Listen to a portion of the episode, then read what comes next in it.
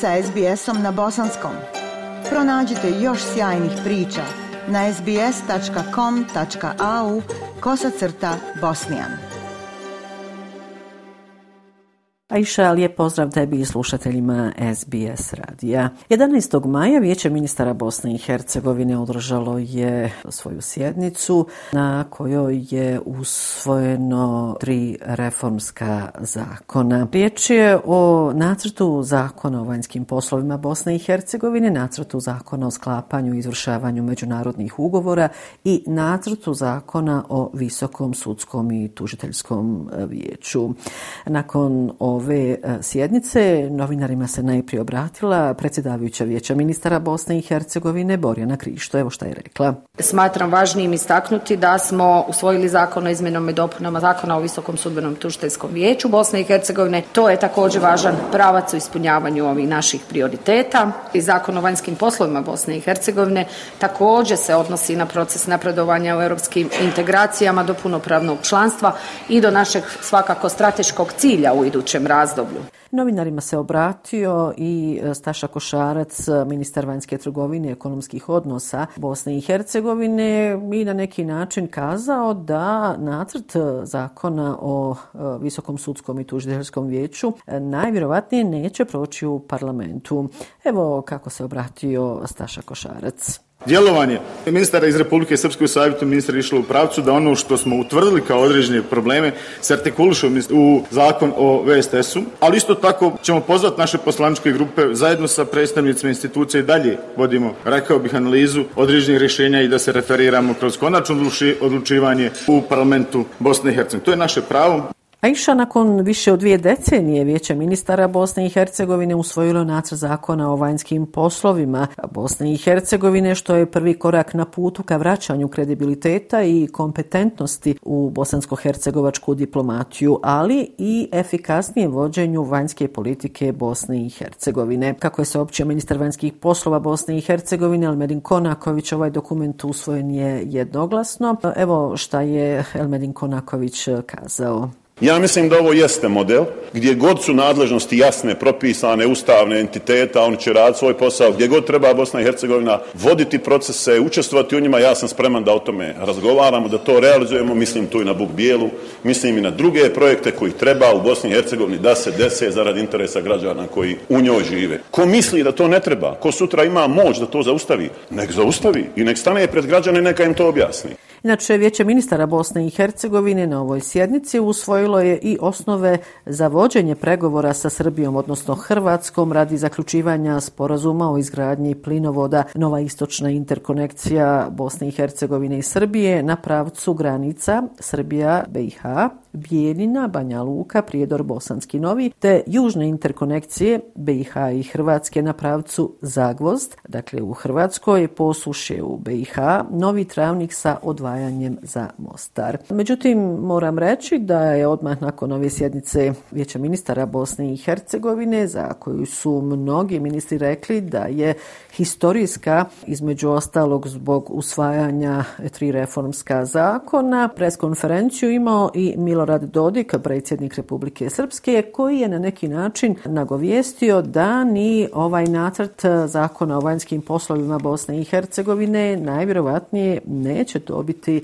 podršku u parlamentu Bosne i Hercegovine. Dakle, zaista, da li će tako biti, ostaje da sačekamo sjednicu državnog parlamenta. 9. maja u sklopu akcije kodnog naziva Start pod nadzorom postupajućih tužitelja, tužiteljstva kantona Sarajevo, pripadnici MUPA kantona Sarajevo uhapsili su Ibrahima Hadžibajrića, Elmedina Karišika, Sejda Hadžibajrića, Almu Destanović, Mustafu Dedića, Eminu Rogo i još jednu osobu. Ovdje je najzvučnije ime Ibrahima Hadžibajrića koji je načelnik općine Stari grad u Sarajevu. Barbara Pekić koja se povezuje sa restoranom Dos Hermanos i rentakar firmom Golden Port nalazi se u bjekstvu. Ona nije pronađena pronađena na adresi stanovanja i navodno se nalazi u inostranstvu. Inače, tužiteljstvo kantona Sarajevo, Hadži Bajriće, Destanović i Karišika tereti za krivična dijela organizovani kriminal, zloupotreba položaja ili ovlaštenja, pranje novca te primanje i davanje dara. O sumnjičenom Hadži Bajriću na teret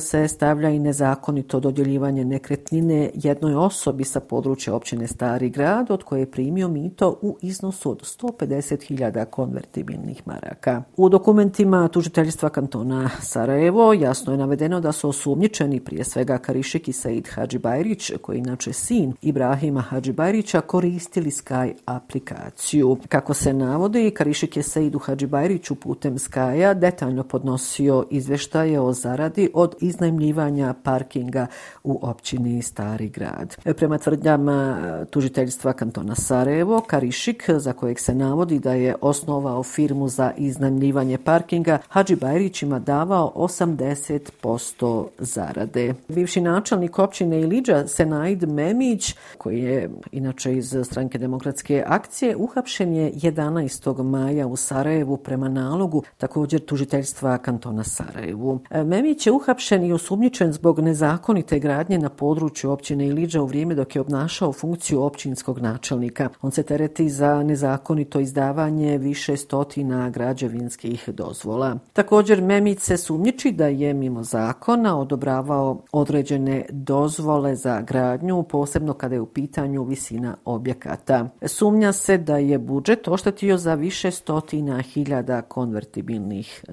maraka. Memića je tužiteljstvo kantona Sarajevo uhapsilo zbog dozvola za gradnju hotela Regency, saudijskog investitora Malak Group, ali i nezakonitog izdavanja više dozvola u vezi gradnje objekata investitora Panamera te parking općine Iliđa koji je dat na korištenje upravnom odboru Brajlović. Moram reći da je odmah nakon ovog hapšenja član predsjedništva Bosne i Hercegovine Denis Bečirović uputio inicijativu za smjenu Senajda Memića koji je obnašao dužnost ambasadora Bosne i Hercegovine u Maleziji. Podsjetit ću da u julu 2020. godine Memića predsjedništvo Bosne i Hercegovine imenovala za ambasadora naše zemlje u Maleziji i na prijedlog tada tadašnjeg člana predsjedništva Šefika Džaferovića. 9. maja Unija osoba i organizacija osoba sa invaliditetom u Federaciji Bosne i Hercegovine organizovala je protestni skup ispred zgrade federalne vlade u Sarajevu. Iz ove unije su formulisali pet ključnih zahtjeva, a među prvima je hitno stupanje u pregovore vlade Federacije Bosne i Hercegovine sa Unijom u vezi sa izmjenama nacrta zakona o jedinstvenim načinima načelima i u okviru materijalne podrške lica sa invaliditetom u skladu sa zaključkom sa druge redovne sjednice predstavničkog doma parlamenta Federacije Bosne i Hercegovine. Prisutnima se obratio Adnan Dervišević, predsjednik Unije osoba sa invaliditetom Federacije Bosne i Hercegovine, koji je naveo da su se okupili jer njihova prava nisu ispoštovana. Nakon protesta, predstavnici Unije osoba sa invaliditetom sastali su se sa premijerom Federacije Bosne i Hercegovine Nerminom Nikšićem i ministrom rada i socijalne politike Adnanom Delićem, eh, gdje su predstavili svoje zahtjeve. Nakon sastanka istaknuto je da su i premijer, ali i ministar bili zainteresovani za saradnju, te da će uraditi sve što je potrebno kako bi se osobama sa invaliditetom poboljšali status i položaj u društvu. Iša možda je još rano uh, za uh, računanje, odnosno za planiranje godišnjeg odmora na ljeto, ali po onome kako već stvari stoje i najjeftinija opcija uh, za ljetovanje u Bosni i Hercegovini na moru, dakle konkretno u Neumu, za mnoge je preskupa. Naime, četvoročlanoj porodici za sedmotnevno ljetovanje ove godine treba će pravo bogatstvo. Za neke najjeftinije opcije minimalno će morati izdvojiti oko 2000 konvertibilnih maraka, a za one sa dubljim džepom ili pak koji su digli kredit za ovo putovanje, za odlazak na more treba će i 10.000 konvertibilnih maraka. Na primjer, za sedmotnevni boravak u Neumu najjeftinija opcija za smješta iznosi 700 konvertibilnih maraka ukoliko se u to uračunaju prevoz, hrana i sve ostalo što je neophodno jednoj porodici za odlazak na more, onda je jasno da je prosječnim radnicima ove godine i ljetovanje u jedinom bosansko-hercegovačkom gradu čisti luksuz. Privatni apartmani, oni malo oprebljeniji u Neumu se uglavnom izdaju po cijeni od 200 konvertibilnih maraka za noć, naravno kada je riječ o hotelima i vilama, tu su cijene dvostruko više nego kod apartmana. Stoga jedna četvoročlana porodica u hotelu sa doručkom u špici sezone mora izdvojiti i do 3,5 hiljade konvertibilnih maraka. Eto iša sa ovom informacijom i završavam ovo sedmično javljanje iz glavnog grada Bosne i Hercegovine Hercegovine. Još jednom vam lijepe pozdravi iz Sarajeva šalje Semra Duranović-Koso. Like, share, comment. Pratite SBS Bosnian na Facebooku.